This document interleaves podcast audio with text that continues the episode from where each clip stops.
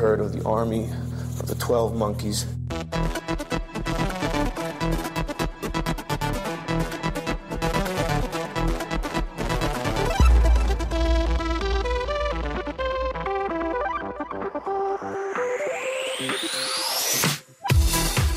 Lolbua episode 333 lander akkurat nå i din podkastspiller. Er det folk som fortsatt har ren MP3-spiller, Lars? Har du møtt noen i det siste?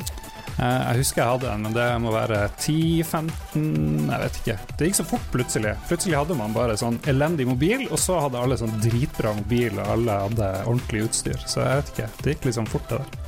Jeg hadde, jeg hadde flere MP3-spillere i gamle dager, men eh, det er lenge siden jeg brukte en sånn. Eh, kanskje vår gjest fortsatt bruker en dedikert MP3-spiller, eller er han skikkelig old school og kjører Discman når han skal høre på musikk? Dag Sørås, velkommen skal du være. Hallais. Du, jeg kan huske at det var et stort øyeblikk da jeg innså at jeg kunne spille For meg så var det, det, store eh, på å si insentivet for å beholde MP3-spilleren var at jeg kunne spille eh, ukomprimert musikk. Eh, altså flakkfiler. Og når jeg fant ut at jeg kunne gjøre det via mobiltelefon, og i tillegg få et eh, jævlig svært sånn eksternt SD-kort, så kunne jeg omsider legge, legge MP3-spilleren bak meg. Men jeg hadde uh, u, altså jeg hadde jævlig mange forskjellige modeller av MP3-spillere. Jeg var en stor fan i min tid. Jeg sverga til minidisk i ca. to-tre måneder før jeg skjønte at det var totalt dødfødt opplegg. Men Sony var eksperter på det der, å lage sånne rare formater. De hadde sånn eget MP3-format òg i starten. Magic, uh, Magic Music eller noe sånt kalte de det. Ja, laserdisk Nei, laserdisk. Hva var minidisk? Ak akkurat det gikk jeg. Jeg gikk tydeligvis fra CD rett til, til digitalt, uh, og er selvfølgelig over på vinylkjøret også. Veldig bra. Og du er gjest i Lolbua. Vanligvis har vi med Mats, eh, men vi prøver å holde det nordnorsk. Vi har funnet ut at uh, lyttertallene stiger når vi er sånn ren nordnorsk podkast, så uh, jeg er veldig glad for at vi fant en nordlending som kunne bli med. Og du er jo podkastveteran òg, Dag. Ja, jeg har holdt på noen år. Først så, så, var det en kompis som Eller han var ikke engang en kompis på det tidspunktet, en bekjent, Gunnar Tjomli, som overtalte meg mildt eh, om å starte en podkast i lag som heter Dialogisk. Så den har vi, har vi vel gjort eh, jeg lurer på om det er tre år. Eh, og så starta jeg min egen som heter Debrif med Dag, som eh, også er still going strong. Så eh, særlig i disse dager, siden i mars, så har det jo vært Ja, det har berga livet mitt å ha en jævla podkast. Ja, for er det litt sånn der uh, debrief for deg sjøl, eller sånn ventil for deg sjøl, der du kan ta alt du går og bærer på og bare få ut? Ja, det er jo selvfølgelig det, og så er det jo også en måte å uh, Altså, det, Ikke til forkleinelse for andre typer podkaster, men akkurat det der når det bare er én person som prater, da har jeg i hvert fall merka på, på, de podkastene jeg hører på, så blir det, det blir noe jævlig personlig med det. Så hvis du da kommer rett inn i ørekanalen på folk, og i tillegg sniker inn en liten promo for at du skal ha show en eller annen plass, så tror jeg det kan, det kan funke bra. Men det er klart, det, det er først og fremst ventilering for meg sjøl. Det er ingen tvil om det. Det, det, er jo sånn terskel du må over, fordi det er første gang du sitter alene foran en mikrofon og bare snakker til deg sjøl. Du er jo en av Norges mest kjente standup-komikere og Det er jo ganske forskjellig å sitte alene i et rom og snakke til en skjerm enn å, enn å stå på scenen. Ja, altså jeg kan ikke jeg, jeg, står ikke og går gjennom materialet mitt og snakker høyt for meg sjøl eh, før jeg skal på scenen. Så, uh, så akkurat denne, denne terskelen med å sitte og prate, jeg tror det, det, det gikk sikkert en uh, 10-15 episoder før, før jeg, jeg slutta å være så jævla bevisst på det. Nå, det jo, nå går det jo på, på ren automatikk, men i starten så føltes det jævla merkelig, og jeg drev og tok ting om igjen. Og, og, og liksom, Jeg har jo ikke noen redigeringskunnskaper, og sånn der, så jeg bare innså at hvis jeg skal gidde å gjøre det her, så, så må det bare være helt uredigert. Og da får jeg bare ja. bruke ord som jeg egentlig ikke forstår, og bruke feil, og så får jeg heller bare rette det der og da. Live on tape, som det så fint heter. Jeg tror vi brukte 200 episoder før vi ble litt komfortable, og så begynte det å bli litt dårlig igjen, og så er vi tilbake nå, da. Så mm. ja, det er liksom Det å holde på Hva er det, 333 episoder? Det er jo det er wow. litt Det begynner å bli litt mye. Da må du begynte dere, da? Innimellom. 2012? Slutten av 2012? Ja. Da må jo dere vært blant de første i Norge? Nei, det er ikke det. Er Red Crew er vel noen av de første, og IT-avisen tror jeg også hadde noen sånne eksperimentelle podkaster veldig tidlig. Men uh, vi har holdt på en stund, og så har vi, jeg tror de tre tre og et halvt siste årene. Så vi har hatt en episode hver eneste uke, uansett om det er jul eller sommerferie eller påske eller hva det nå er. Så har vi liksom gjort det til en greie at Fordi plutselig hadde vi den rekorden med at oi, de har faktisk hatt en episode hver uke. Da kan vi ikke slutte. Da, da bryter vi den streaken. Men vi må, vi må aldri glemme at den som starta med podkast i Norge, var Lars Mjøen fra eh, faen, er- han, han var først ute med alt. Jeg hørte sånn intervju med han. Uansett, eh, han er den bitreste jævelen jeg noen gang har hørt om. Men uansett hva det var snakk om, så var han først ute. Radioresepsjonen. De sitter jo bare noen kompiser og prater. Det gjorde jo vi hele tida. Vi tok det ikke opp, men vi satt og prata, vi også. Så eh, han, er, han er den virkelige pioneren. Han er sånn som er litt sånn sint på Facebook, sånn som mange gamlinger blir. Ja, han er illsint. Jeg, jeg, jeg merker at jeg må, jeg må virkelig passe meg for å ikke bli For er det noe jeg ikke har lyst til, så er det å, eh, å sitte som en sånn der kuk og ha formening om eh, humorister nå til dags. Det, det var jo noen som sa at eh, vi trodde det var dataspillene som skulle ødelegge ungdommen vår, men så ble det Facebook som ødela foreldrene våre i stedet. Du, var ikke det ironisk? Eller jeg vet ikke om det var ironisk engang, men det er et trist faktum her uansett. Hvis, hvis Lars Mjøen spilte dataspill i stedet, så tror jeg Facebook hadde vært en hakket hyggeligere plass.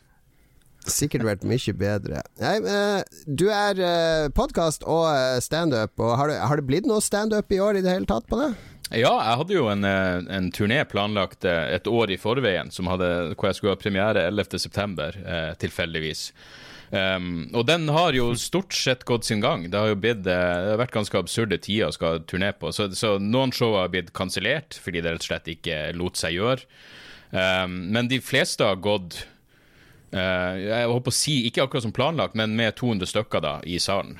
Eh, så er det Ja. selvfølgelig enkelte plasser ja, Når du står i en Den største salen har vel vært kapasitet på 1000, og når det da er 200 der, så er det relativt glissent, men Fordelen er jo at alle vet hvorfor det er glissent. Det har vært verre hvis alle bare tenkte faen, solgte han ikke mer billetter enn det her? Men alle vet, eh, alle vet hvorfor det er sånn som det er. Så, eh, så det har egentlig gått relativt upåklagelig. Det har stort sett blitt doble show eh, de fleste plassene. Um, Du var jo i Harstad.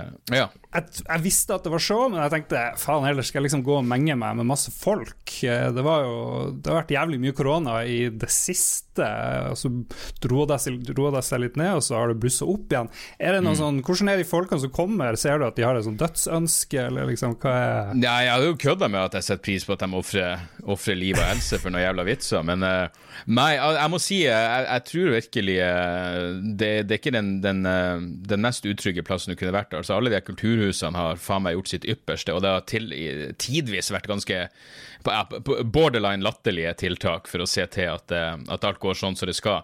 Men eh, nei, det, det har vært eh, så jævla overholdt, og de har vært så Altså, kulturhusene har for det første vært livredd for at det skulle bli noe utbrudd. Jeg har vært redd for det også, for jeg vil ikke ha noe jævla Ja, du vet jo hvordan når lokalpress ville slå det opp som det her er supersprederturneen. Så, så jeg har jo faen ikke snakka med noen andre enn ja, praktisk talt kun lydmannen som jeg reiser med.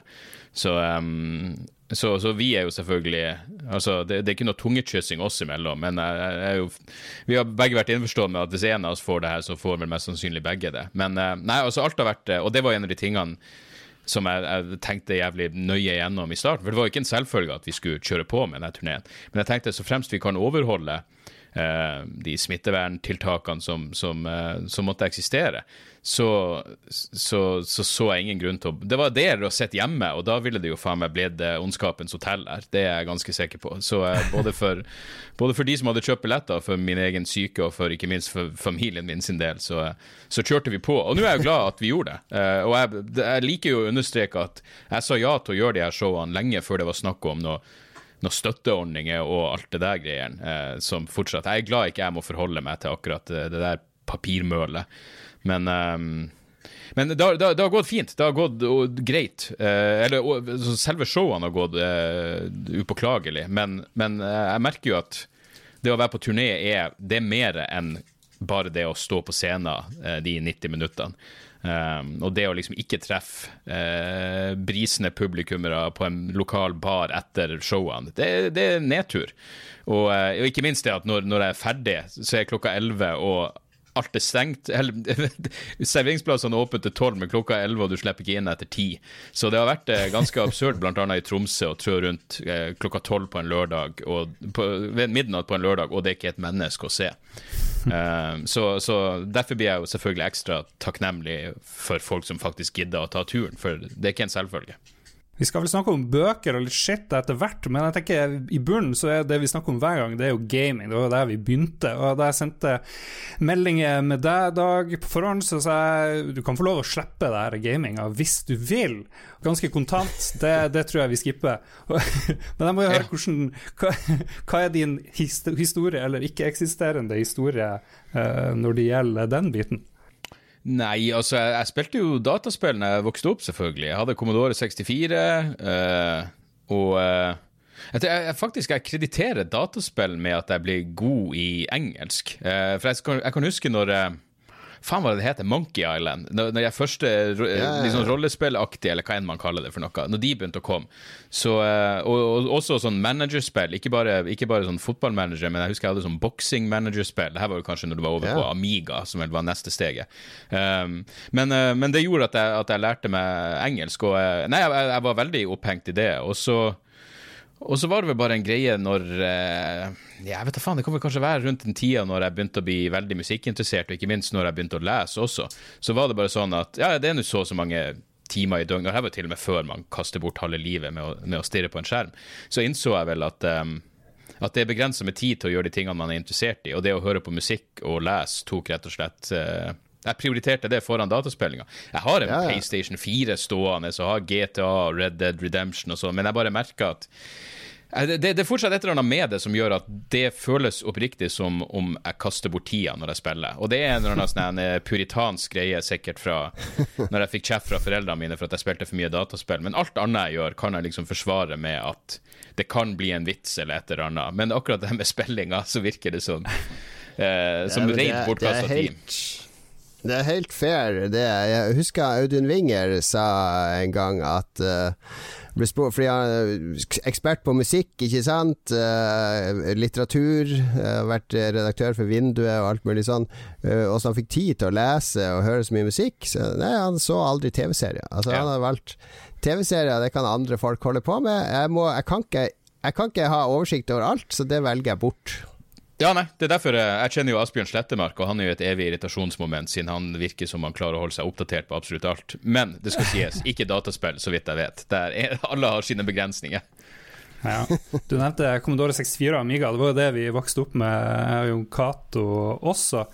Uh, men det har jeg tenkt på i det siste. Hva var det liksom foreldrene mine trodde jeg skulle gjøre med den Commodore 64-en?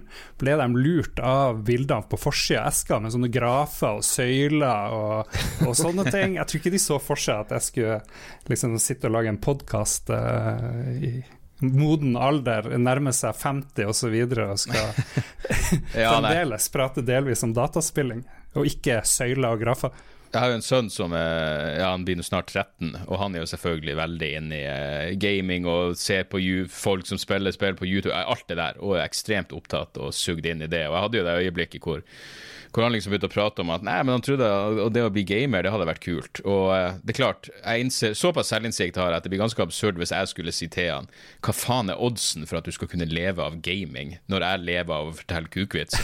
Så man må kjøre på. Men, uh, men jeg, jeg, er på ingen måte noen sånn fanatisk, uh, fanatisk motstander. Og med hensyn til hans spilling, så er det sånn nei, så lenge han har andre interesser også, så er det null stress. Det er den sunne innstillinga. Jeg deler den. Eh, mm. du, er, du, bor jo i Oslo, Dag, eh, og jeg får jo høre fra Lars hele tida at jeg er sånn sviker mot landsdelen fordi jeg har bosatt meg i Oslo og jobber i Oslo kommune, og det gjør ikke du, da. Men, men føler du deg at du har eh, sveket landsdelen din, du òg, Dag? Nei, nei, på ingen måte, altså. Uh, det, det, kan jeg ikke si. Jeg, jeg har vel aldri vært den typen som uh, jeg har, jeg har, aldri hatt Altså, jeg, jeg, vet da faen. Det, det, det, akkurat det med den nordnorske identiteten har jeg litt sånn ambivalent forhold til. Fordi av og til føler jeg Jeg anerkjenner helt åpent at jeg slipper unna med drøyere ting rent humormessig fordi jeg er nordlending. Det tror jeg bare er et faktum. At, at denne dialekten gjør at jeg kan slenge med leppa Ja. om, eh, om drøyere ting enn en mange andre. Så i den forstand har det jo absolutt jobba til min fordel. På den andre sida så har jeg bestandig kjempa imot den ideen om å være en nordnorsk komiker. Fordi faktum er jo at jeg er ikke inspirert av Rorbua og Oluf. Jeg er inspirert av primært amerikanske standup-komikere. Så den ideen om at eh, om at, eh, ja, at, at, det jeg gjør er så, er, er så utelukkende nordnorsk, det, det er jo eh, eh, bare pissprat. Men eh, no, det er ingen tvil om at Nord-Norge var den første plassen jeg kunne reise rundt og dra et ordentlig publikum. Eh, og det er jo selvfølgelig fordi jeg jeg er fra den landsdelen, og det blir jo en, en form for lokalpatriotisme som kun har jobba til min fordel, og som, ikke, som jeg ikke eh, å si, ser på som, som negativt i det hele tatt. Men eh, men uh, i det store og det hele så har vel Altså, det er en del av de ene mytene rundt uh, Eller stereotype ideene av nordlendinger som, som åpenbart stemmer, bare i forhold til Jeg pleier bestandig å si at hvis, hvis jeg har et hvis det kommer noen som er godt voksen, hvis det kommer noen som er i slutten av 60-årene, 70-årene, på mine show og koser seg, så er det stort sett i Nord-Norge. Det skjer ikke i, i Kristiansand, for å si det sånn. Så, så det er vel den, den eneste sånn store forskjellen som jeg egentlig, egentlig har merka. Men eh, sviker, nei, det kan jeg ikke si. Jeg mener, jeg er så jævla glad jeg kom meg bort fra Narvik. Eh, så jeg, jeg har varme følelser for, for Nord-Norge som, som, som liksom landsdel. Men eh, iskalde følelser for min, min egen hjemby. Hvis de hadde vekk til live Du skal høre mye igjen. Eh, kjørt i gang en folkelig humor-slabberas oppe på Rorbua i Tromsø, og du hadde blitt invitert, du hadde dratt opp og dratt noen historier. så, så fremst det var Altså, mitt problem med, med Eller jeg har jo ikke noe problem med det programmet. Jeg, jeg så jo på det, og det, og det, det, er sikkert Altså, jeg blir sikkert på Jeg mener, jeg så på Oluf også, um, så, Ja. så i, i den forstand så har det jo sikkert, uh, sikkert påvirka meg til, til en viss grad. Men så fremst det var Det eneste problemet jeg har med det, er jo at det er røverhistorier som ingen nødvendigvis har opplevd sjøl. Hvis, hvis konseptet var nå skal du fortelle dine egne vitser og ting du faktisk har opplevd, så ville det vært helt fantastisk. Det ville jeg jo ha elska. Eh, problemet blir jo at det blir skrønerhistorier som går i generasjoner. Og det er jo selvfølgelig en egen greie, det også, og, og ingenting galt eh, i det, men, men ehm, det er jo derfor mange fortsatt spør meg sånn Ja, men er det sant det du snakker om? Jeg bare, ja, Hvis det ikke var sant, så, så vil jeg ikke prate om det. Altså, Det må være et sant utgangspunkt. Jeg er til og med at folk som har spurt Er det sant at du har en unge. Jeg bare, det ville vært jævlig rart hvis jeg skulle konstruert en identitet bare for å ha noe å prate om på scenen.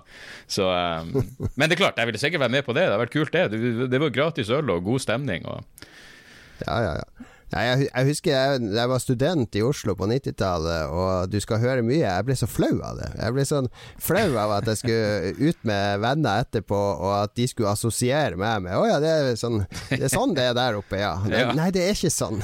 Hvem er du? Ja, ville, ja, var det, ikke, det var der det var noen eh, som satt med pianoet og Belma Pilsen og inn i helvete. Ja, ja, ja, ja. stemmer. Og så kommer Mossa inn. Mossa, for faen. og- Selvfølgelig. Nei, altså, da, er du vel Da er jo du litt eldre enn meg, så det er mulig at jeg også ville sett på det som, som jævla klient. Og det var jo ei stund. Jeg mener, helt i starten, da jeg begynte med standup, så var jo Oluf den eneste referansen Altså, hvis du snakka med en journalist som skulle spørre deg om humoren din, så var Oluf den eneste jævla referansen de hadde. Oluf eller Oluf. Ja. Og, eh, og eh, ja, nei, det, det, det er greit, det, men eh, det er ikke nødvendigvis der jeg har mine humorrøtter. Vi skal ikke slippe deg helt ennå. Du, du har jo fått eh, Jeg ser i anmeldelsene dine at eh, Og jeg har jo sett deg sjøl på Parkteatret for noen år siden. Oh, ja. Og jeg var vel på Kreppo på Park når du eksperimenterte litt Mm. med materialet. Eh, da Du har jo fått, får litt sånn anmeldelser på at du er ganske drøy. Altså Det er veldig drøy humor, og du sier jo at du slipper unna med mer fordi du er nordnorsk, men er det, er det Jeg har inntrykk av at det er litt sånn lavere takhøyde nå for hvor drøy man kan være i humor i forhold til for noen år siden. Ja, det er mulig, men jeg forholder meg egentlig ikke til det der. Uh, og nå- har jeg jo Altså, det, det showet jeg turnerer med nå, er vel det eh, Ja, hva faen blir det? Det femte soloshowet mitt. Så nå har jeg jo i stor grad et publikum som, som, som vet hva de går til. Um, men det er klart, jeg kan merke når jeg, når jeg driver og jobber med materiale ja, tar en sånn kveld sånn som altså, pa- Crap på Park blir jo helt Der er det jo ingen. der er det ikke tak. Yeah. Så der må man bare gjøre hva i faen man vil. Men, men liksom når jeg, når jeg gjør klubbjobber med en masse andre komikere, hvor folk ikke kommer for å se meg spesifikt, så kan jeg jo merke at, at uh, ja, at det jeg gjør ikke faller i smak hos alle. Men, men det har jeg jo ja, de, de gangene det pleide å gå inn på meg, så har jeg pleid å tenke at hva er det egentlig jeg liker av av kunst, hvis man skulle bruke det begrepet, som er helt mainstream. Det er veldig lite.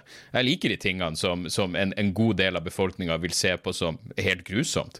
Uh, så da det, det, det, Jeg har aldri liksom aldri innbilt meg at det jeg gjør, er, er for alle. Um, det eneste jeg merker som liksom er det positive, er at jeg, jeg, har, jeg har, et mye eldre publikum nå enn jeg hadde i starten. Uh, altså mye mer uh, voksne folk. Men det er jo naturlig. Jeg, mener, jeg er jo faen meg Jeg er i 40-årene sjøl. Jeg har mer til felles med noen som er 60 enn noen som er 20. Sånn er det bare. Så det er mulig det er noen sånn generasjonsforskjeller i forhold til hva folk reagerer på. Men, uh, men akkurat den ideen om at man ikke kan si noen ting lenger, ja, da, da, er det deg sjøl du har å Altså, jeg har ikke merka noe til det.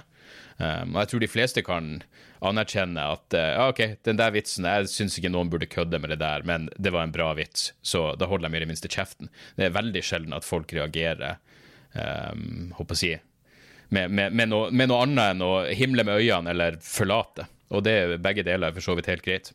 Det er jo det er jo som avisene, vet du. Det går jo Snittalderen på leseren går jo opp år for år. Eh, hvis du merker det, blir du litt svett hvis du merker det samme på standup-showene dine, at eh, publikum blir eldre og eldre? Nei, jeg syns det er helt topp. Uh, rett og slett fordi da er det et publikum som for det første har litt livserfaring, og for det andre kanskje har lest i avis i livet sitt. Uh, jeg mener, du kan jo faen meg Hvis jeg får en 18-åring nå Jeg pleide å gjøre militærjobber en gang i tida, helt til jeg ble bannlyst av en eller annen. Én spesifikk vits gjorde at jeg mista alle militærjobber for resten av livet, tydeligvis. Men, uh, men det var nå greit. men da, da husker jeg at jeg ja, nei, jeg, jeg, pleide, det, jeg, pleide, å ha en, en, lang tirade mot Marte Goksøyr, hun som liksom ble uh, Downs-Marte, som liksom ble en slags talsperson for um, uh, for uh, reservasjonsrett og innskrenking av abortrettigheter.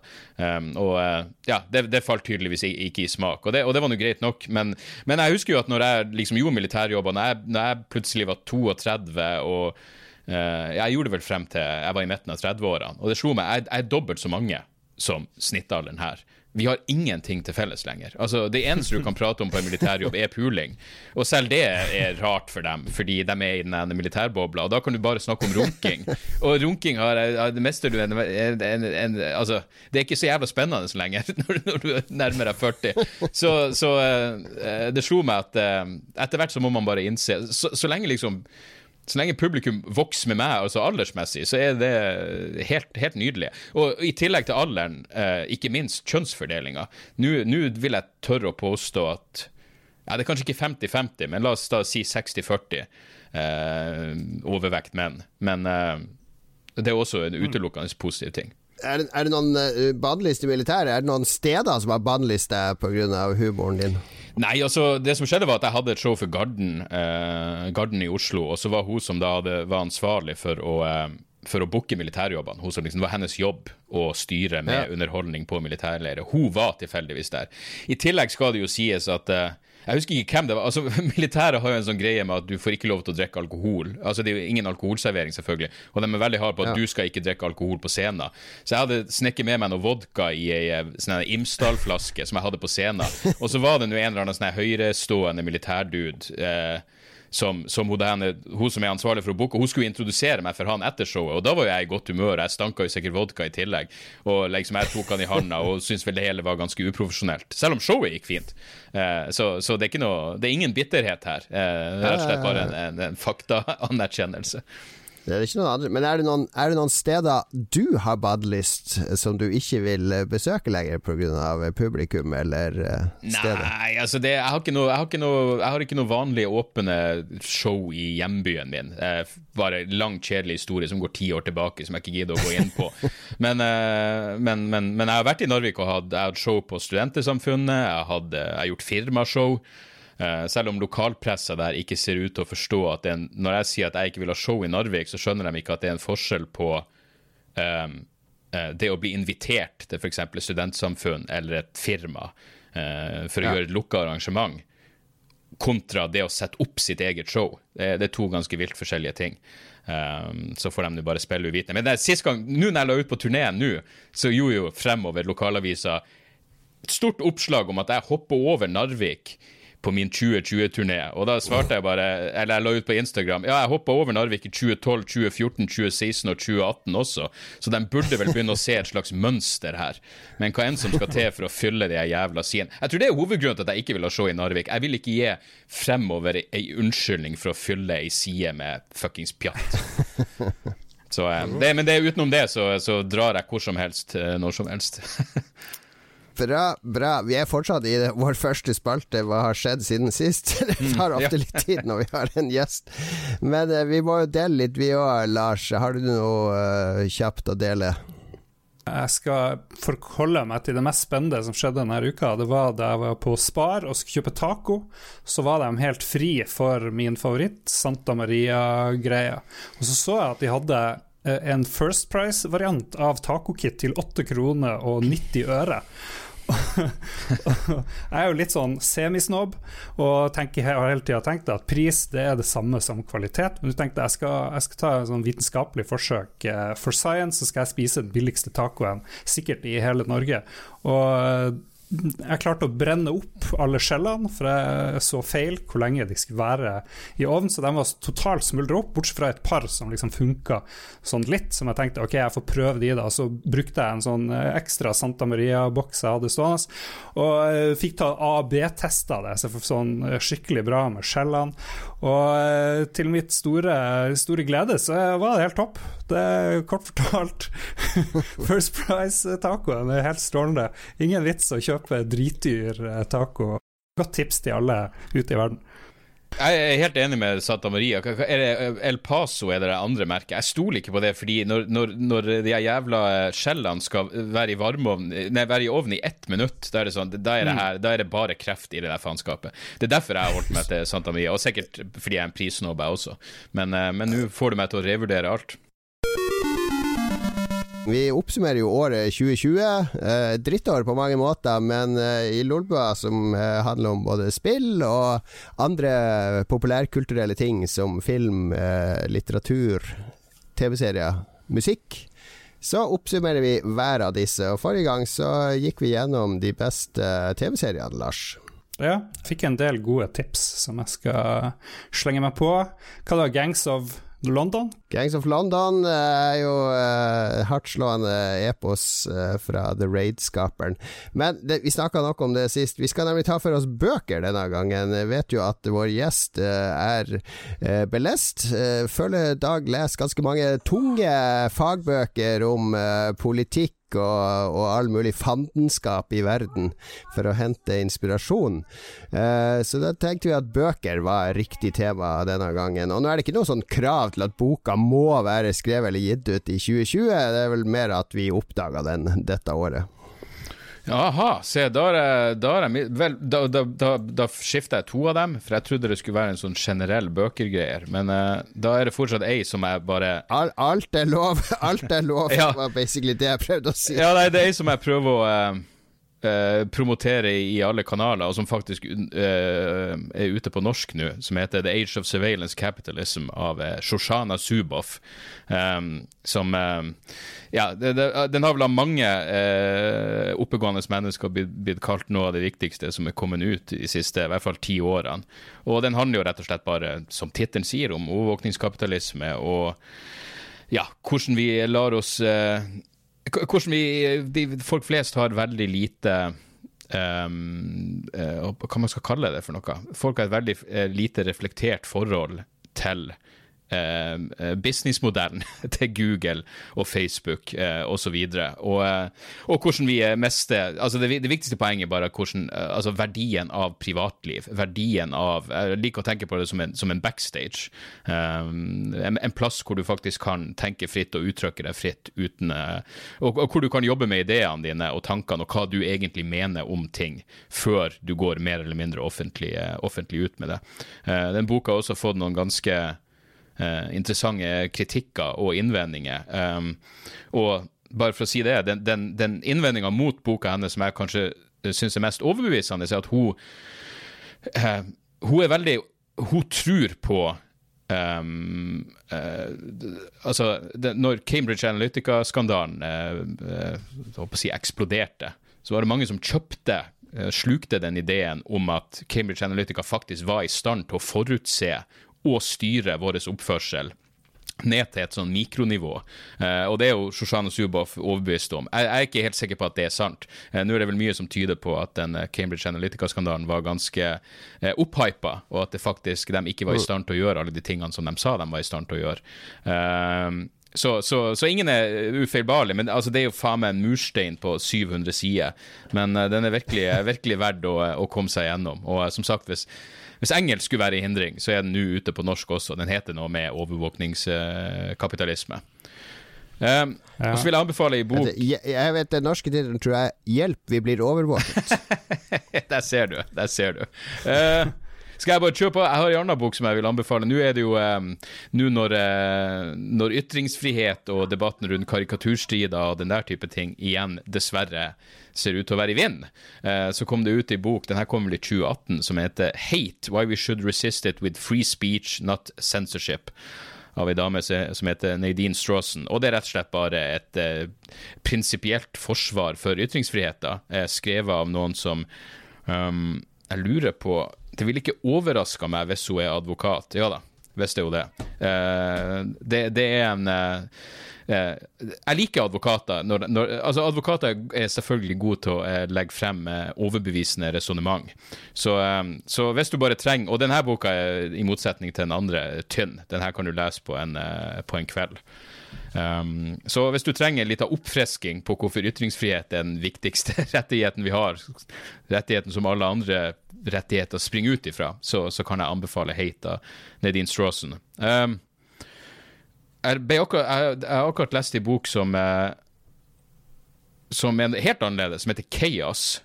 Uh, the Truth About the Charles Manson Murders. Og um, en, av en kar som heter Tom O'Neill. Og for en person som er uh, veldig skeptisk til alt som lukter av konspirasjonsteorier, så er denne boka uh, Altså, det, den gir ingen definitive svar, men den legger frem uh, veldig overbevisende En veldig overbevisende sak for at um, at for det første at, man, at, at den, den, den uh, konvensjonelle visdommen om, uh, om, de drapene som Manson sine etterfølgere Altså det Tate LaBianca-drapene At uh, den, den, originale ideen om at Charles Manson hadde en idé om å starte en rasekrig fordi han hadde hørt noen Beatles-plate bak frem. Det er mest sannsynlig bullshit, og det legges frem ganske overbevisende indisier for at, at Charles Manson faktisk var en uh, såkalt Hva kan de kalle det for noe? En informant. For, for, mm, ja. for både CIA og FBI hadde, hadde program innad i USA for å kjempe imot alt fra Black Panthers til venstreradikale antikrigsaktivister til feministbevegelsen. Så um, så uh, det, det, høres atskillig mer konspiratorisk ut når det kommer ut av kjeften min, men uh, hvis du leser den boka, som igjen er fyldige fotnoter Det tok han 20 år å skrive den boka. Uh, når han starta på den, så hadde han ingen interesse for den saken, han visste ingenting om saken. Han ble bare bedt om å skrive en en, en, artikkel for et blad i forbindelse med 30-årsjubileet, eller hva man skal 30-årsmarkeringa for drapene. så ble det i stedet ei bok som kom ut eh, når det var 50 år siden, siden drapene skjedde. Så 'Chaos' av Tom mm. O'Neill kan også eh, anbefales. Så eh, ja, det må jo være tre ting som er for eh, mye, mye familiemoro for alle og enhver. Fine, fine pakker under juletreet. Ja. Jo, når du nevner ytringsfrihet, så er jo det en, eh, noe jeg stiller meg sterkt bak, selvfølgelig. Men du får ikke lyst til å drive med ytringsinnskrenking eh, når du ser eh, valg i USA og, og desinformasjon som, som, florerer. Ja, altså det er ingen tvil om at desinformasjonsproblemet er et seriøst problem som, som, bare kommer til å bli verre. Jeg fikk akkurat ei bok som heter uh, deepfakes, som handler om Som jeg, jeg, føler kommer til å bli det neste leddet av uh, ja, hvor, hvor, ting virkelig kommer til å spinne ut av kontroll. Uh, når Du liksom Du har jo den klassiske videoen av Obama som Uh, ja, jeg husker ikke hva han sier. Etter annet We're fucked. Han, han, først sitter han bare og prater som Obama, og så sier han at we're, we're totally fucked, eller et eller annet. Og det ser ganske ekte ut. Uh, og, og, når den teknologien da er mer eller mindre perfeksjonert, så kommer selvfølgelig, uansett hva jeg mener, Trump prøvde seg jo litt når det var den grab him by the pussy-greia. Eh, før han la seg relativt flat, så sa han jo på et tidspunkt Nei, men det, var ikke han. Det var ikke han på det opptaket. Og det er klart, eh, uansett om du så har om du, om du, har håndfaste, billedlige bevis for et eller annet i fremtida, så kommer hvem som helst til å kunne så tvil om det med å bare si at det er en deepfake. Uh, og, um, så ja, det, det er ingen tvil. Men jeg, jeg, jeg, tror ikke det har noe Jeg tror ikke innskrenking av ytringsfriheten er måten å stoppe, stoppe disinformasjon på. Heldigvis.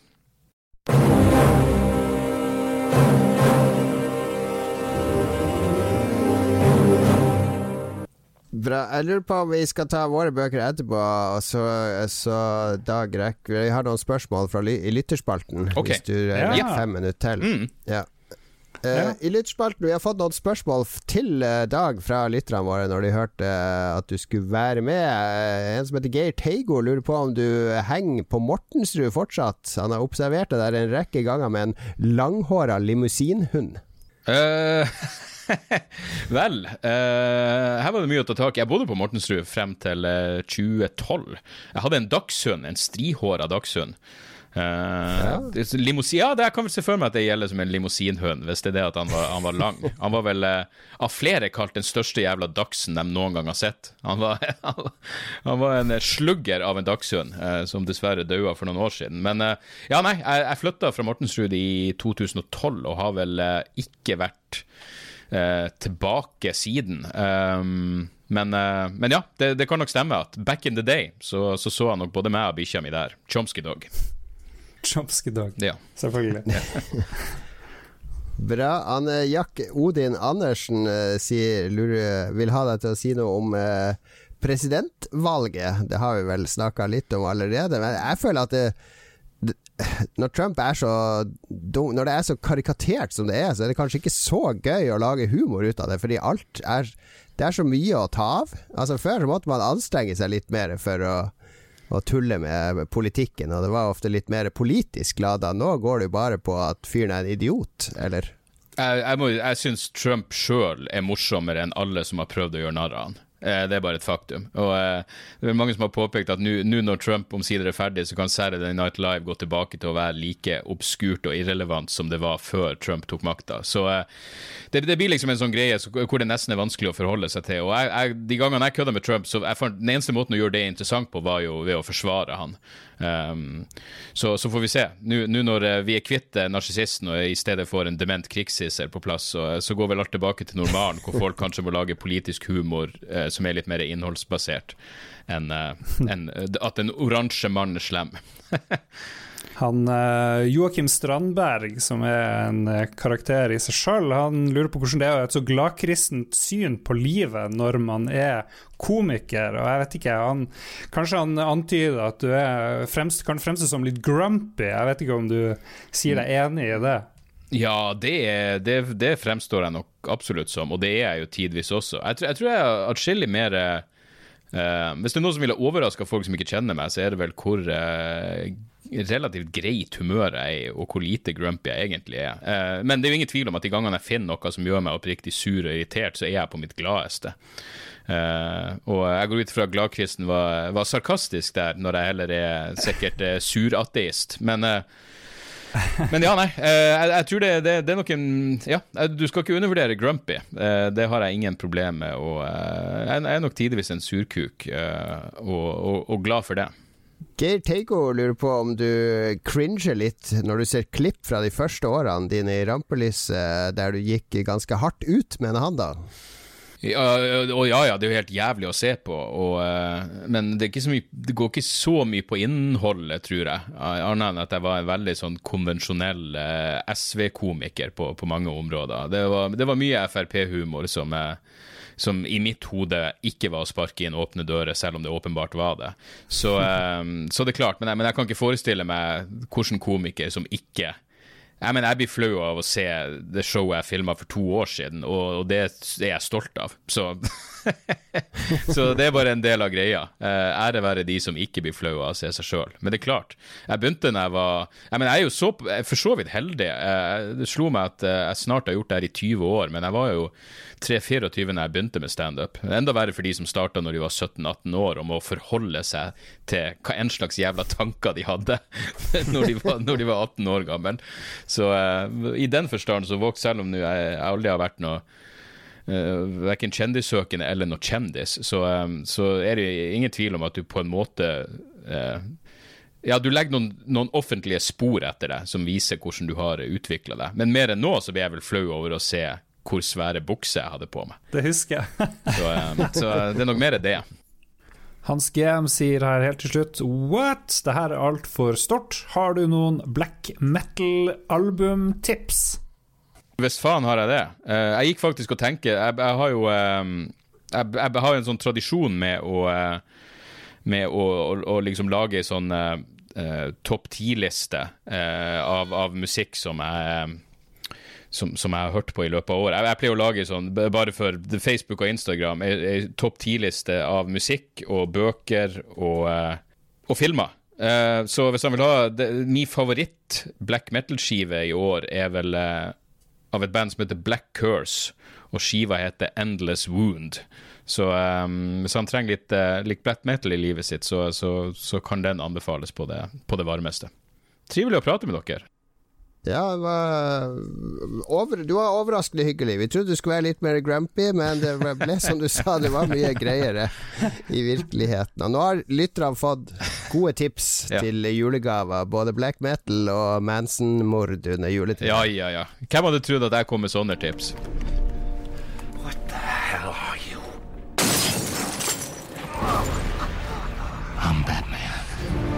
La oss ta for oss bøkene vi vil anbefale i år. Og det er mulig at jeg repeterer noe fra i fjor. For det, for min del det har blitt vanskeligere og vanskeligere å lese bøker. Det der med sett meg ned sliten så er det så lett å slå på skjermen. Det er alltid noe å se på. Jeg vil gjerne spille en sjakkamp på mobilen. Jeg spiller ganske mye sjakk på mobilen nå. Uh, Eh, så det, det, blir til Jeg trenger en sånn lesekrok. Jeg prøvde å lage meg det her oppe med en sånn god stol jeg kan sette meg med lampe og stol og uten noen skjermer og forstyrrelser, og det har tidvis fungert, men jeg, jeg leser mye mindre enn før. 20 bøker, tror jeg jeg leste siden sommeren. Ja. ja. det er mer enn jeg har lest i hele år. Så jeg, jeg kommer helt sikkert til å gjenta ting jeg har nevnt i tidligere podkaster. For når jeg skulle dra frem til tre sånne bøker jeg virkelig ville anbefale, så begynner jeg med Stephen King. Eh, en gammel favorittforfatter for meg. Og jeg leser alt han skriver. Eh, det leser jeg fast, fordi han produserer som en gal. da må du jo lese 20 bøker i året hvis du skal lese alt av Stephen King. Han klarer Han har vel én til to bøker bøker i året omtrent. Men han, han, han, er jo gammel nå. Han er jo 70 pluss, tror jeg, så det er jo begrensa hvor mye output han har igjen, men uh, jeg, jeg, skal følge han til grava, tenker jeg. Og Noe av det beste han har skrevet de siste årene, er The Institute, heter boka. Handler om uh, barn som har de sånne psykiske evner. Uh, og de blir da fanga og putta på et sånn institute i USA, selvfølgelig. Det er konspirasjonsteori, og det er eh, Steve King er veldig god når han skriver om barn, syns jeg. Han, eh, han, har Barna har en sånn der uh, edge til seg i Stephen King-bøkene. Det er ikke mm. ungdoms- eller barnelitteratur, men det er sånn som jeg ville trodd at jeg var som barn. Uh, det er litt sånn helte, heltelitteratur. Ja, tror du han kan tappe inn til hvordan han var som unge, og liksom sette seg inn i det? For det, der sliter jeg litt. Kjenner. ja, du har jo sånn som uh, uh, Stand By Me, som handler om disse tre barna som skal gå for å finne liket. Uh, The Long Walk. flere andre bøker som handler om Og It, ikke minst, som handler om en gjeng med, med barn som jeg syns eh, For meg så er det noe av det, det, det er sånn jeg tror det var å være barn på 50- og 60-tallet i USA, de bøkene. Mm. Ja. Det, det, handler, det, er mye av den der, eh, min romantisering av USA på 50- og 60-tallet kommer fra Stephen King sine skildringer av hvordan det var å være barn på de tidene. Ja, jeg elsker Stand By Me. Oh, fantastisk film òg, jeg, jeg, tror ikke jeg har lest boka, faktisk. Har du sammenligna ja, de? Begge er, gode. Begge er gode. Veldig god film. Ok, Vil du si noe mer? Eh, Det var noen konspirasjonsteorier. En konspirasjonsteori er jo at Stephen King har et sånt team på ti forfattere som bare sitter og skriver bøker hele tida, og så, bare, så bare redigerer han litt, og så putter han navnet sitt på det. Jeg vet ikke om det er en konspirasjonsteori, men jeg lager den nå. Ah, nei, det tror jeg tviler jeg på.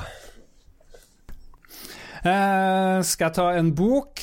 Og Ja. Den hadde jeg litt lyst til å diskutere med han Dag Sørås. Så jeg er litt sånn trist for at han ikke er der. Fordi det er ikke en bok som jeg nødvendigvis liker så veldig godt, men den fikk meg til å tenke, tenke mye. Den heter 'The Subtle Art of Not Giving a Fuck', og så har den en sånn ekstra lang tittel etter det, bare sånn unødvendig, og den er skrevet av en fyr som heter Mark Manson. Jeg vet ikke om han er i slekt med Charles Manson, men det er han sikkert ikke. Han kan være i slekt med Marilyn òg. Han kan være, Det er faren til Marilyn Manson. Men det er en sånn populær eh, bok, veldig solgt. Masse folk. Selvhjelpsbokkategorien vil jeg si at det er. Og jeg blir litt provosert, men jeg fikk den eh, anbefalt, og så var jeg vel et sted i livet hvor jeg følte jeg trengte litt råd eh, og sånn. Og det går litt sånn ut på, det er jo det som er i tittelen, 'Subtle Art of Not Giving a Fuck'. Det, det går litt på at man skal ikke bry seg så jævlig mye, og det er jo liksom billig billig tips, men han Ja. mener at du skal Litt sånn hovedkjernen er at du skal, du skal finne ut hvem du er, og så skal du ikke ønske å bli noe så veldig mye mer. Han er lei av sånne selvhjelpsbøker, at sånn skal du bli en stjerne, og sånn skal du liksom bli kjempelykkelig. Han mener at eh, sånn her Charles Bukowski, han forfatteren, han var aldri lykkelig, men han gjorde bare sine ting. Eh, var vellykka ved å ikke gå på kompromisser med seg sjøl. Han mener at de som er lykkelige her i livet, egentlig lykkelige, eller som, som klarer seg, det er de som bare godtar seg sjøl og ikke, ikke, ikke prøver å, å bry seg så jævlig mye. Man skal give a fuck på et eller annet vis. Og så er det jo noe sånn hyklerisk i det å gi ut en bok. Eh, når han sjøl er mot selvhjelpsbøker og sånne ting, så det går jo litt sånn i, i seg sjøl, da. Men det fikk meg jo litt til å tenke og ja, kanskje, man, kanskje det finnes noen ting man skal bry seg veldig mye om, og noen ting man skal gi fullstendig faen i. Og det som er kjipe med den boka, er at etter 35 sider så har du egentlig lest alle poengene hans. Da trenger du ikke da trenger du ikke lese så veldig mye mer. Det kan jo hende det er noe gull der, men jeg leste en anmeldelse, og de, de var enig i det. da vet Kan ikke. ikke alle sånne selvhjelpsbøker summeres opp i en sånn her brosjyre? Sånn too long didn't read-brosjyre? Ja, ja. Jeg tror en artikkel i Kvinner og klær får eh, mer enn nok plass til eh, Mark Manson sine råd der. Ja, ja, jeg er enig i hans filosofi. Altså, jeg, jeg Jeg vil jo ikke si at jeg er eh, Jeg vil jo si at jeg har et lykkelig liv, altså, men, men jeg eh, Det er fordi at jeg, jeg har ikke Jeg går ikke rundt og tenker på alt jeg ikke har, hele tida. Jeg går rundt og setter pris på det jeg har, i stedet. Ja, det er jo en veldig sunn tilnærming. Jeg skal ha foredrag neste uke på jobben min 20 minutter om hvordan lage en suksessfull podkast. Er det, er det et snev av sannhet her, eller? Ja, ja, ja. Det er jo holdt på Jeg har laga 400 episoder, hvis vi summerer opp Spillrevyen og Lolbua og mm. andre ting vi har laga. Så okay. Hva er, hva er hemmeligheten? Du kan jo spoile det for uh, våre Nei, det er kun for de som jobber i Origo, det her. Internseminar. Det er sikkert bare bullshit. Jeg caller bullshit med en gang. Syns du skulle ha det foredraget i, eh, i Harstad. Jeg kan, jeg kan røpe det her for lytterne. Det eneste du trenger å gjøre Og så, hvis det er noen som gidder å høre på det, så er det jo en suksess eh, i utgangspunktet. Ja, hvis så lenge du er fornøyd. Du trenger ikke at noen hører på det. Så lenge du er fornøyd, du hører på det sjøl etterpå, ja, det var ikke så verst. Så er det Tenk om det fins verdens beste podkast. Trym? Tenk om det fins verdens beste podkast som han som har laga den, har laga 500 episoder, men har aldri sluppet de på nett. Han har bare tatt de opp og så lagt de i et hvelv. altså når han dør, så oppdages verdens beste podkast. Må det sendes på nett for at det er en podkast, eller er det nok å bare lage en lydfil? Poenget er at du skal ha det på iPoden din. Det var vel der det egentlig starta. Noe sånt. iPod ser meg ut som en iPod. iPod. Neste bok ut fra meg Den prata jeg om for to episoder siden, så du får høre på det hvis du vil høre mer om den. Men det er eh, Return of a King med, fra William Dalrymple. Denne boka om Afghanistan på 1800-tallet. Jeg går fortsatt og tenker på den boka. Veldig, veldig fascinert. Jeg driver og ser spionserie nå, Le Bureau. Og hver gang de er i nærheten av å snakke om Afghanistan eller eh, sånne stammer og eh, oppe i fjellene og ditt og datt, så bare ah, ja, ja, det her kjenner jeg igjen fra ah, ja, Det kommer, ja, det er stammekultur der, og det er fra gamle dager da Russland invaderte, og ditten og blablabla. Return of a King, William Dalrymple. Ok, min uh, bok number two Skal vi se hvor det er. Uh, uh, eh, The Moon and the Other er det en bok som jeg leste i forrige måned. Skrevet av en fyr som heter John Kessel. Og det som skiller den litt ut, er at det er den andre boka, eller kanskje den tredje boka i hele mitt liv, sånn i voksen alder, som har eh, Midtøsten og persisk kultur som bakteppe. Vanligvis, hvis du leser For det her er, det her er science fiction, det er sjangerlitteratur. da. Så når du leser fantasy eller sci-fi, og sånt, så er det ganske likt eh, kulturen som ligger bak. Du må liksom slite deg gjennom alver og drager og orker og sånn. Ja, dette er vel også eh, noe Det ligger et snev av kultur, eh, eller sånn kulturelt opphavskritikk her, fordi veldig mye fantasy, der har du disse denne mystiske, eh, mørke rasen langt mot øst, og har Det er alltid det vestlige, europeiske eh, origo for fortellingen, der de- skumle fra øst og sør eller vest er en trussel. Det Ja, ja. Nei, så, så det er litt forfriskende det å slippe unna det her faste greia og det her potensielt rasistiske drowene og dark elfsen og sånt. Hvis vi skal ta med det. Men her er det da Folk lever på månen, noen lever på månen. Vi vi er sånn ikke så langt inn i fremtiden, men vi har begynt å, å kolonisere månen. Da, og der er det ulike samfunn, og, og et av samfunnene er da styrt av et eh, matriarki. Matriarki basert eh, på, på gamle midtøstenske eh, skikker og truer og sånne ting. Og det er jo mm. morsomt i seg sjøl. Og, og verden rundt opplever det som helt forferdelig. Tenk at kvinner skal drive og undertrykke menn. Fordi det er, det er sånn at menn har ikke noe rett til sine barn, f.eks. Ja. Det er jo sånn i Norge anno 2020, ifølge mannegruppa Ottar og Ja. Men det er, jo, det er jo en slags omvendt kritikk av patriarkatet på et vis, som, som rår. Og det er ganske, ganske finurlig. Og I tillegg så jeg tar den opp eh, terrorisme. Det er selvfølgelig litt terrorisme på månen. Folk er uenige i det som skjer. Det er politiske grupperinger. Veldig mye politikk og sånn. Og så er det litt sci-fi oppi det hele. Litt sånn future, eh, future tech. Men eh, det er jo veldig politisk i bunnen. Så The Moon and the Other av John Kessel syns jeg var en artig, artig sak. Eh, Den andre sånn eh, Midtøsten-boka eh, jeg har lest, det, er- heter The City of Brass og The City of et eller annet annet. eh, Og veldig, veldig artig, men det er mer ren fantasy, da, basert på, på området rundt, rundt Egypt og der i strøket. Min siste anbefaling, den ga jeg til deg på hytteturen. Jeg vet ikke om du har orka å lese den. eh, High Concept, Don Simpson and the Hollywood Culture of Excess, som eh, virkelig nailer 80-tallskulturen i Hollywood.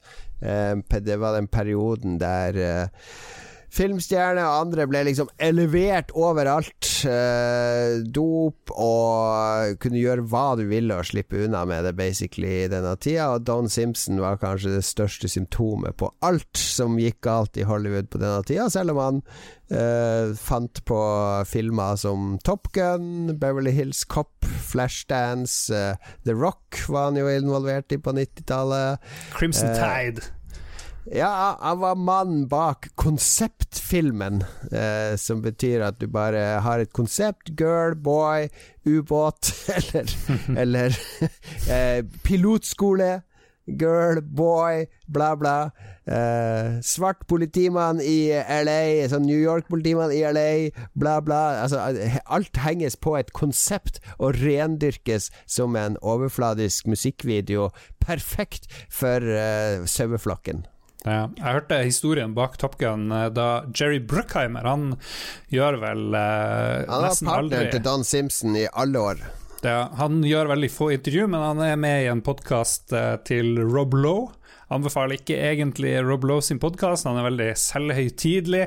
Men uh, Bruckheimer uh, husker han drev og leste en artikkel i et uh, magasin hvor han bare så et bilde av en kis som gikk på den der Top Gun-flyskolen. Og jeg lurer på om han hadde en motorsykkel eller noe sånt. Og så bare tenkte han der, der har du filmen. Få Ja, er involvert Don Simpson. akkurat sånn, akkurat sånn det begynte. En jente i leggings som sveiser. Der har du konseptet til Flashdance, ikke sant? Jeg gleder meg veldig til å lese den boka. Tusen takk. Charles Fleming, altså. High concept. Den må kjøpes brukt på Amazon. Den er uh, ikke mulig å få tak i ny eh, lenger. Det er en del gode bøker som jeg faktisk har måttet kjøpe brukt, fordi de er ute av trykk. Jeg, jeg tror det er en konspirasjon. Det blir navngitt så mange kjendiser som går og doper seg. Eneste er Eddie Murphy. Han, var, han, han ville ikke ha dop. Ja. Wow. Mm. Ok. Skal vi se, min siste bok eh, har jeg nevnt før. Det er Cradle-serien. Fremdeles eh, favoritten blant uh, sjangerlitteratur. Kinesisk eh, mytologi vevd inn i noe vestlig, hvor det er både fantasy og science fiction. Det er en planet som heter Cradle, og der bor det alle, alle som skal overleve på den planeten, må kunne martial arts. Selv, selv eh, spedbarn eh, må, må begynne å lære seg det. Og hvis ikke du er sånn sinnssykt heftig, så er det sånn Alle kan bare drepe deg. Liksom, hvis du Det ikke er det sterk her høres jo som sånn eh, World of Warcraft-tull. det høres ut som et dataspill i bokform. Det, det, det er litt sånn dataspill, for det har mye med levels å gjøre. De går opp i rang. Du begynner som copper, så blir du iron, så blir du jade, ja, er det? Jeg skjønner ikke Fordi For meg det her jeg, jeg, jeg klarer ikke å tenke meg å lese det her. Det høres bare ut som tull. Hva er det som fenger meg der? Mm, nytt bokformat som er basert på RPG-er, hvor, hvor du ofte så ser, får du printa ut på siden hvordan level folk er og sånn. Det er ikke så obvious, det her, er, men det er litt samme sjangeren. Men det, det er artig. Det er jo martial arts, det er mye fighting, og det er bra skrevet. Det er pulp fiction, egentlig. Litt sånn som de her uh, Dragonlands-bøkene og sånne ting. Jeg kan sette pris på god koreografi i Raid-filmene og John Woo-filmer og Jackie Chan og Jet Li-filmer og sånn. Men beskrevet med ord? Jeg, jeg, klarer, du klarer ikke å selge det her til meg, Lars.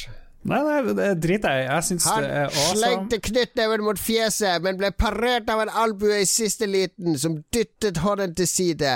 Deretter fulgte et spark mot skrittet, men han hoppet elegant en halv meter til høyre. Leste, før- du, leste du aldri Modesty Blaze-bøkene da du var liten, eller Remo og sånne ting? Det var jo litt sånn. Der var det jo mye bra kampskildringer, så det går an Nei. i bokform. Overhodet ikke. Det gjør det. Nei, jeg regna ikke med at det ville bli din favorittbok, for å si det sånn. Nei, det er Will Wright holder seg til SimCity. Will Sims. White heter han her, da. Ja. Ok, ok. Det var våre bokanbefalinger fra i år og tidligere år. Eh, Dag eh, tung, tung, dyster litteratur. Lars lettbeint kung fu, eh, fantasy-litteratur og selvhjelpsbok.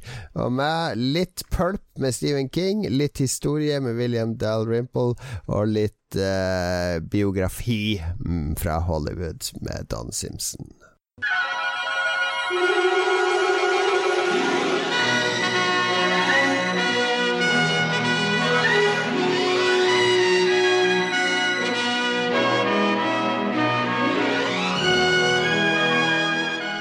Ukas anbefaling, Lars. ja, takk, takk. Jeg holder i min hånd en, eh, en burk med Santa Maria krydder. Chili Explosion. Chili Various- Explosion. Various chilies, black pepper, tomato. Perfekt for meat og pasta. Jeg har funnet ut at det funker for alt, egentlig. Det er min kjæreste som har introdusert chili og sterke ting i mitt liv. Jeg har for så vidt tolerert det før, men jeg er jo en svetter, så jeg blir jo veldig fort eh, våt under øynene, i panna, bak i hodet og sånn. Men eh, når du først begynner liksom på chilikjøret, og det begynte egentlig med Jeg vil tilskrive det chili explosion. Og, og det, det hvis, Så lager jeg litt kjedelig mat, ikke sant. Det er en kyllingfilet, det er et stykke kjøtt eller noe sånt som trenger å løftes litt, og da er det bare å mose på med chili explosion. Og det er jo, jeg føler at det er takk over de piffikrydder og de her andre greiene, for det her, er, det her er ekte saker, ikke sant. Det er, det er ikke bare gastromat og salt. Det er ikke noe salt oppi der, tror jeg.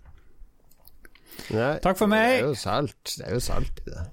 Er du glad i sterk mat, uh, Jon Cato? Ja, ja, i motsetning til det, så har jeg spist verdens sterkeste chili, nemlig Carolina Reaper. Er det vel kommet noe som er sterkere Ja, siden den det.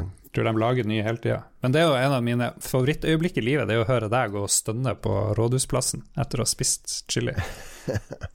Ja, den var, den var eh, sterk. Jeg liker jo veldig godt sterk mat. Jeg har også spist verdens sterkeste burger i San Francisco. Der klarte jeg bare halve. Den var så sinnssykt sterk. Uh, men uh, altså, det er jo ikke så gøy å spise ting bare fordi det er supersterkt, men jeg liker at mat er spicy. På uh, indisk restaurant så kan jeg jo gjerne prøve meg på Vindaloo, som det heter. De har jo de har sånne teite uh, måter å måle det på. Eh, Vindaloo er liksom en av de. Ja, ja jeg trodde Vindaloo var en rett, men det er liksom styrkegrad, er det det? Ja, de bruker det som styrkegrad på indisk restaurant. Det Eh, er ikke noe indisk restaurant her, og det syns jeg er veldig trist. Skulle hatt litt uh, mat med yoghurt, og kan ikke de hive oppi der. har dere ikke indisk mat Jeg har vært på én indisk restaurant, og det var den på, på, i Majorstua Har du vært på én indisk restaurant i hele livet? Jeg tror det. Mm. Yes. Det er jo ikke sånn at det fungerer. Styrkegraden er mild, medium, og medium er gjerne for nordmenn, så er det litt sånn hot. Litt okay. sånn som den der eh, Jeg husker den gamle pizzaen eh, Pizza pepperoni, den der reklamen. Den som skulle være så hot. Han syntes sånn. Det var jo ikke hot i det hele tatt, men for, for nordmenn så er det liksom uh, Det skal ikke være veldig mye chili eller krydder på før nordmenn syns det er hot. Nei, nei, det- er jo naturlig. Vi er vant til potet. Uerfarne på eh, indisk restaurant, der sier de gjerne sånn der Er du ikke vant til eh, sterk mat? Nei, det, du bør gå prøv medium. Den er sterk nok for deg. Sånn. Er det ikke lov å snakke med sånn APU-stemme lenger, er? Nei, jeg tror det. Nå må vi klippe og lage en italiensk aksent. Det er lov, tydeligvis. Ah, you, you're not used to the hot food. I would suggest you go for the, medium. Ja, det er lov, tror jeg. Ja, er det tror da. Ok. Eh, altså, du har mild, medium, som det er litt, litt eh, hot for nordmenn. Så har du madrass. så What? det er liksom hot. Ja, det heter madrass. Hm. Og så er det Vindaloo. Nå begynner vi å snakke hot. Og så er det Tendaloo. Den er meget, meget sterk. Jeg har ikke, jeg har ikke våga meg opp der, men jeg har vært oppe på Vindaloo. Og det er akkurat i grenseland mellom Ok, det er litt for, litt for hot, men det er, det er også ganske godt. Tendalu og Vindalu? Aldri hørt om. Eller Tendaloo, Vindaloo. vindalu og madrass. Syk ting. Ja vel, da må vi begynne å bruke den. Skal vi bruke den når vi anmelder spill? Men da vet vi når, når korona er over, når du kommer til Oslo for å spille en episode, så blir det indisk neste gang. Det blir ikke noe sånn pizza og burger, og da må du jo utnytte Mm. anledninga når du er her til å få deg litt indisk. Det er jo svinaktig godt. Ok, det skal jeg gjøre. Det skal jeg gjøre. Ja. Det er nesten så jeg, ja. Det er nesten så jeg må gjøre om med anbefalinga mi til Mister Mr. India i Oslo, som er meget god. Nei, nei. For du kan ikke gå bort for det du har ført opp her, du skal anbefale. Det, Nei, det begynner å bli jeg har eh, eh, nesten begynt å gråte til et stykke musikk den siste uka. Åh, var det noe klassisk? Noe, noe Ja, den, den, den er en klassiker allerede for meg.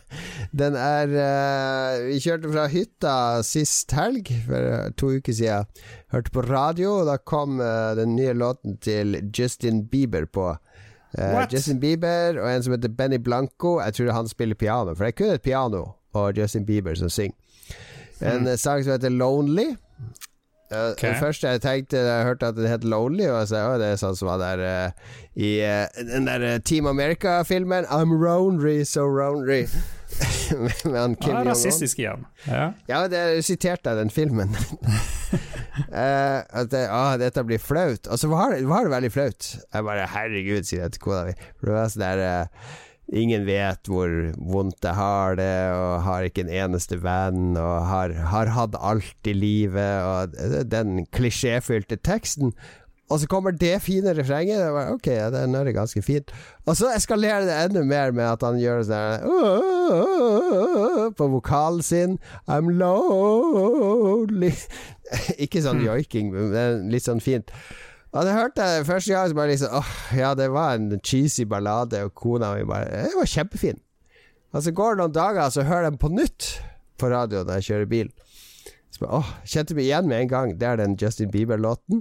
Og da jeg satt alene i bilen og kjørte på vei opp mot uh, Gardeleiren for å levere noe ting til sønnen min, bare kjente jeg her, jeg kan faktisk begynne å gråte nå. Hvis jeg, hvis jeg lever meg for mye inn i den låten. Det er så sårt. Det er så pent. Han er så flink, Justin Bieber. Han har laga mye fine låter i det siste, faktisk. Jeg driver og hører, den, uh, hører den i bakgrunnen her. Som varer bare i 2 minutter og 37 sekunder. Det er sånne nye greier. Det er nye ja, alle nye låter varer i 2,5 minutter eller mindre. Men hør på det her. Uh, høyt volum alene på høyttalere, ikke når jeg sitter og prater deg i øret. Må høre på bare deg og Justin og han Benny i rommet. Åh, det er, det er sterkt. Nå har sangen vært rolig i 1 minutt og 37 sekunder. Når skal det begynne å skje noe?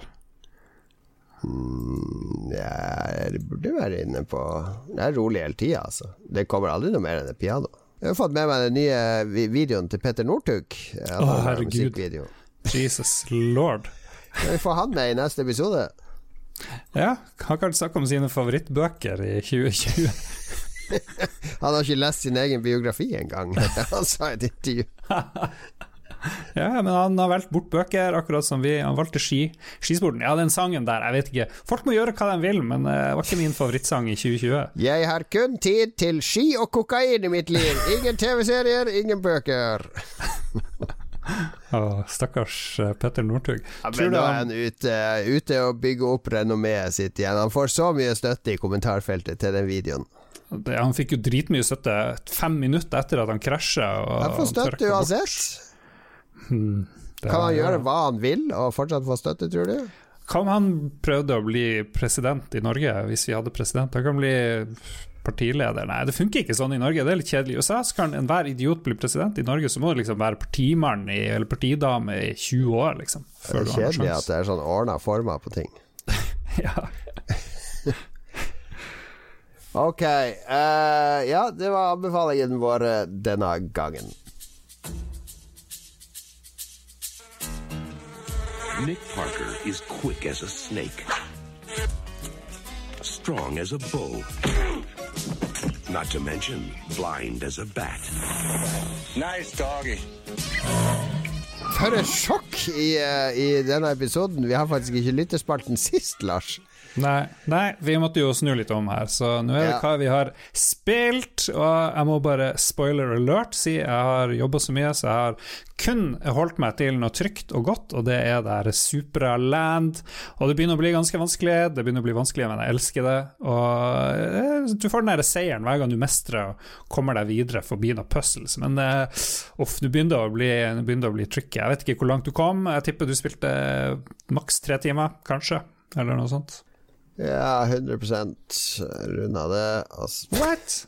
Nei, jeg gjorde ikke det. Jeg husker ikke Det er så lenge siden. Det er 2018-spill for meg, man husker. Lars. Ja, ok, glem det. Nå putter jeg på penger. Jeg vet at Christian har spilt hele, så jeg skal spørre han om eh, hjelp. Du har nå spilt noe nytt, i hvert fall. Ja, jeg har spilt uh, et spill, PC Master Race, for the win. Uh, ingen konsollbønder her i huset, osv. Uh, et spill som heter Fasmofobia, som kom i Early Access tidligere i høst. Uh, ble lagt merke til da det kom, fordi det er sånn uh, uh, Litt sånn X-Files, møter Ghostbusters-aktig spill. Du spiller en, en, paranormal investigator. Altså skal du undersøke et hus, og så klare å samle spor, så at du kan bestemme hva slags haunting som er i det huset. Er det en banshee? Er det en spirit? Er det en gin? Det er forskjellige typer gjenferder, med forskjellige typer atferd og spor de legger igjen. Så du må gå rundt i sånn mørkt hus kan, så kan du ha med deg f.eks. En, en sånn spirit book som du kan legge på gulvet. Altså Når du kommer tilbake, så kanskje eh, spøkelset har skrevet noe i den. Du kan ha med deg sånn radio, så du, og så er det, bruker du mikrofon, så du kan gå inn i et rom, slå av lysene og spørre sånn derre eh, What do you want? Og så svarer radioen, hvis spøkelset kan svare gjennom radioen. Death!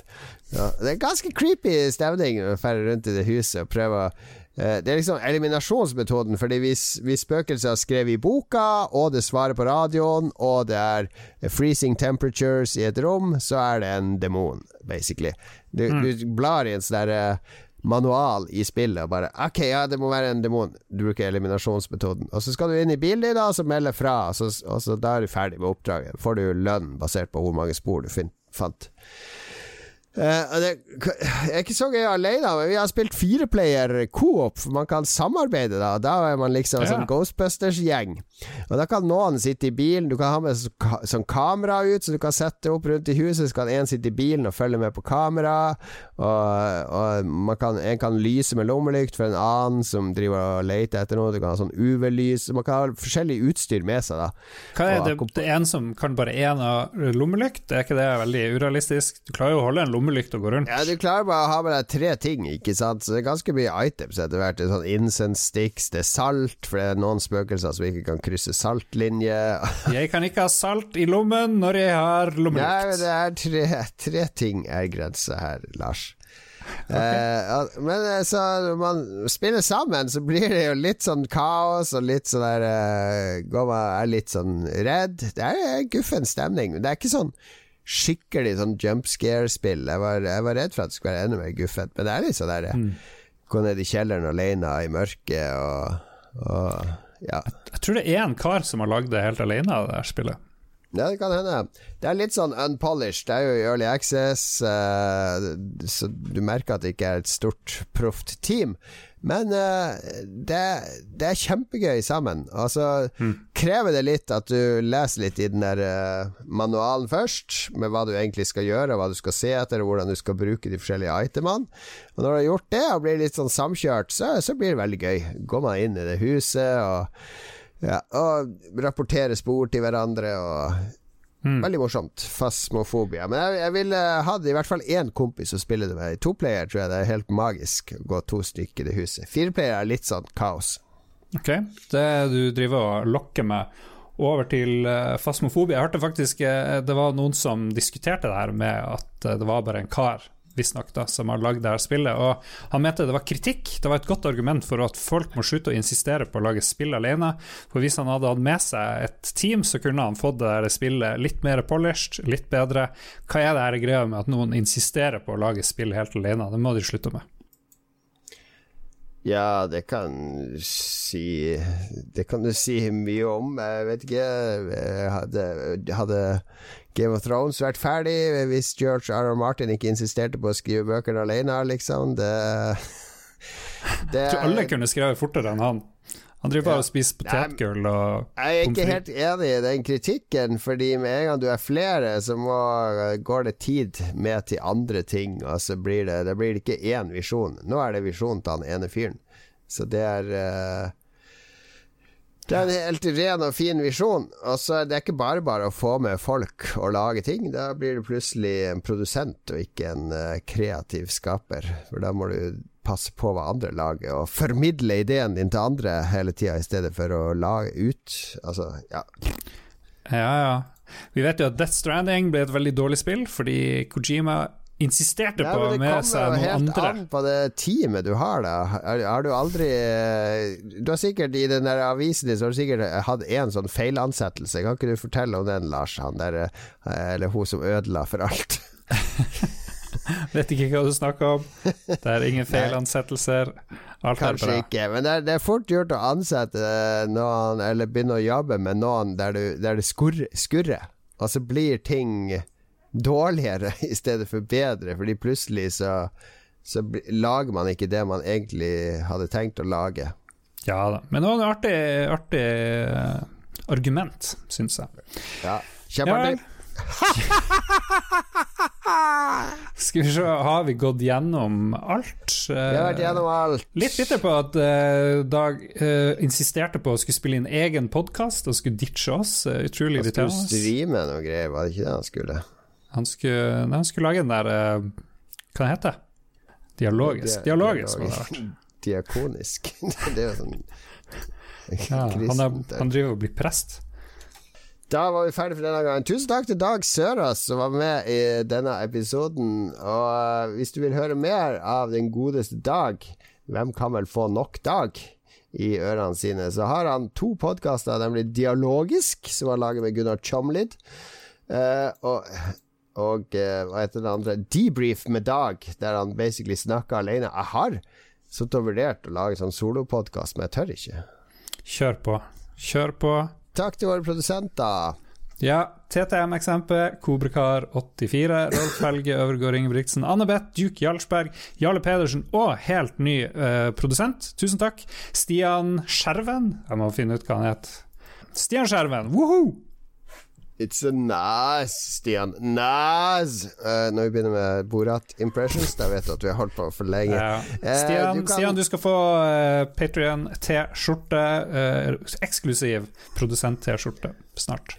Du kan, eh, hvis du også vil støtte oss, så finner du oss på Patrion. Og så har vi to andre podkaster som vi lager i vårt uh, podkastkonglomerat.